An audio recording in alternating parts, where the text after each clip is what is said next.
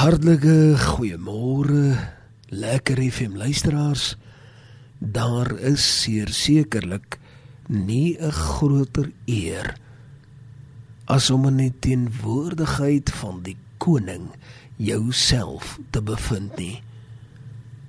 In in hierdie woord vanmôre binne in hierdie oggendoordenkings glo ek dat die Here daadwerklik met ons sal praat. Die Here is getrou. En die Here weet ook waar wat en wanneer. Hy weet wanneer om die merk te tref. Mag die Here in elke faset dan nou ook vermôre aan jou wat ingeskakel is op 98.3 en elke faset te kom antwoorde gee. En baie maal is dit so dat ons nie noodwendig die antwoord ontvang wat ons gedink het ons sal kry nie. Maar nietemin is dit die antwoord en besluit van die koning van alle konings. En uiteindelik is dit sy wil wat werklik saak maak, nie myne nie, nie joune nie, maar die Here se.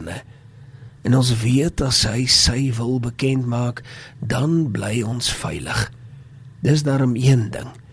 As jy weet jy's onder die genade en onder die hand van die Here, dan beteken dit ook veiligheid. En wat 'n wonderlike gedagte is dit nie. Ons het gister heerlik gesels rondom die boek van Joël en wat vir my ook so kosbaar daar uitgestaan het is juis die gedagte van opregte belyding opregte inkeer. Wanneer 'n mens werklik waar voor die aangesig van die Here buig voor die aangesig van die Here breek in 'n ware opregtheid nie in 'n valsheid of in 'n voorgee nie maar sê Here Here ek kan nie sonder U nie mag ek en jy vandag in hierdie spesifieke oggenduur werklik teenoor die Here bely dat ons nie sonder hom kan gaan nie dat ons onsself omgord met sy saak en dat sy saak werklik vir ons belangrik is daar is nie 'n groter eer en 'n groter voorreg as dit nie mag die Here dan nou met sy genade ook vermoere deelagtig wees aan wat ons juis praat en wat ons juis vermoere voorhou. Maar so kosbaar dat die Here ook as ons in opregtheid ons hande opsteek en sê Here, Here, daar is binne in my 'n ware berou, dan sal die Here vergewe. Hoekom? Want hy is regverdig en die Here verlang restaurasiewerk en hy sal jou hart restoreer, volkome restoreer. En vanmôre is dit 'n gedagte wat ons in ons harte baie naby aan ons hart kan hou. En ek wil graag vanmôre voortgaan en 'n bietjie gesels juis rondom die boek van Titus en ook 'n paar gedagtes vanuit Titus vir jou kom uitskit en dan nou ook na die voorfront toe bring en laat dit op die oppervlakte drywe. En dat ons 'n bietjie daaroor gesels vanmôre. En daar is natuurlik baie gedagtes. Daar is werklik baie lesse wat ons kan leer vanuit Titus as boek, maar dat hierdie saakies wat ek vandag vir u noem werklik waar iets is wat in my hart iets beteken, mag jy daardeur baie geseënd wees. Kom ons sit net so. Dan sluit ons die oë dan bid ons saam. Hemelse Vader, groot is U naam. Heilig, heilig is U. Dankie dat ons dan nou ook vandag U kan nader en vir vra dat daar seën sal wees op U woord. Dat daar guns sal wees op U woord en dat dit wat U wil bekend maak, dat U dit sal bekend maak. en dat ons harte daarvolgens ingestem sal wees. Here, wat 'n voorreg is dit dat ons kan weet U is koning bovenal en U is die begin en U is die einde. En vir dit, Here, sê ons amen en amen. Dit is so kosbaar as ons 'n bietjie hier vanuit die boek van Titus kyk, dat ons 'n paar 'n paar opmerkings kan maak, 'n paar gedagtes kan raak eien.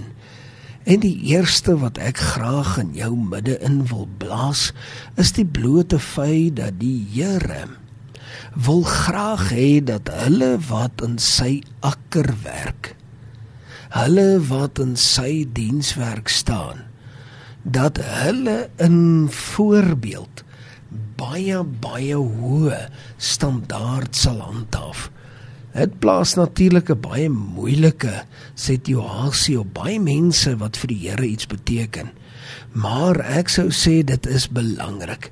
Ek sou sê as jy op 'n punt is in jou lewe waar jy voel jy wil iets beteken wanneer dit kom by die werk van die Here of die gedagte van die Here se sake, dan sou ek sê dit is die moeite werd om jouself in 'n hoë waardesisteem saam te vat want dit op sigself bring oor as genoeg getuienis rondom die saak van die Here. Ek self is al vir 24 jaar in die bediening en dis nie die maklikste nie. Dis nie die maklikste om aan te hou en aan te hou wandel in in hierdie saak, in hierdie moeilike situasie van waar jy weet dat daar letterlik duisende en duisende oë op jou is. Baie keer voel dit nogal oorweldigend of die druk van dit voel asof dit taamlik toeneem en dat daar nie 'n verligting rondom dit kom nie.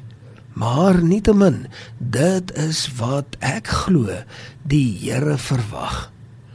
En dat dit ook duidelik vir my is dat die Here wil hê dat wanneer so 'n mens werk en arbei, dat dit sal wees in so 'n voorbeeld dat dit ander sal inspireer.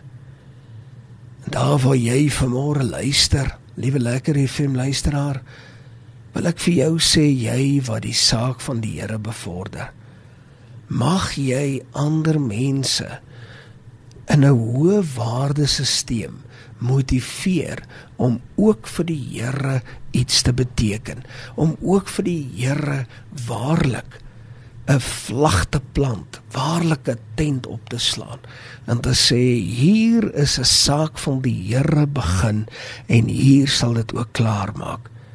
Laat ek en jy kiers op ons voete staan en seker maak dat ons ons sake tot so 'n mate sal handhaaf dat ons by die Here 'n klop op die skouer sal kry. Ek dink dit is iets wat ons almal begeer. Is om daardie klop op die skouer te kry waar die Here sê dit was goed en jy's 'n getroue dienskneg. Is dit nie so nie? Dit is nogal 'n taamlike belangrike saak in my oë. En dan spring daar die volgende gedagte na vore wat vir my nogal taamlik treffend is en wat ek glo jy baie interessant sal vind. En dit is dat wanneer kinders van die Here, wanneer die Here se mense, as ek dit so kan stel. Onthou ons praat hier uit die boek van Titus uit. En wanneer die die die die mense wat sê dat hulle is disippels van die Here. Wanneer hulle op die ou einde van die dag misvat. Wanneer daar na hulle gekyk word en daar gesien word dat hier is 'n probleem. Hier is immoraliteit of hier is 'n saak wat baie baie sleg is wat dan gebeur is die hele evangelie kom ongelukkig in die gedrang. Ek wil jy moet mooi daaroor dink. Wil jy moet mooi daaroor dink. Dit gebeur baie, selfs in my eie lewe.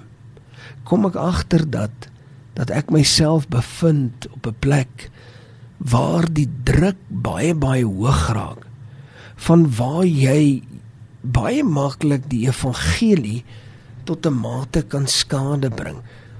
Nou gelukkig weet ek ook dat die Here baie groter is en dat die Here almagtig is en dat die saak van die Here sal voortgaan ongeag die saak van die Here gaan al vir dispensasies aan en dat dit nie noodwendig ek as mens is wat dit kan kniehalter nie maar tog is daar mense heiliglik in jou lewe wat opkyk na jou wat luister na wat jy sê wat kyk hoe lyk jou liggaamstaal en hoe hanteer jy sekere sake. Daar is tans mense vir wie jy leiding bied. Jy kan dalk vir my sê, "Jong, ek ek ek is nie veel van 'n leier nie, so. Ek ek lei nie mense nie. Elke mens op hierdie aarde sal een of ander stadium iemand lei. Het sy dat dit is dat jy 'n pa is of 'n ma is of word of het sy jy's 'n oom of jy's 'n tannie van van ander kinders of jy's iewers in 'n posisie waar een of twee mense onder jou aangestel is en dat jy in 'n bestuur sodanigheid jouself bevind. Lei sal jy lei die verskil is net hoe lei jy en dit is 'n groot ding kom ons maak 'n besluit om nie die evangelie te diskrediteer nie.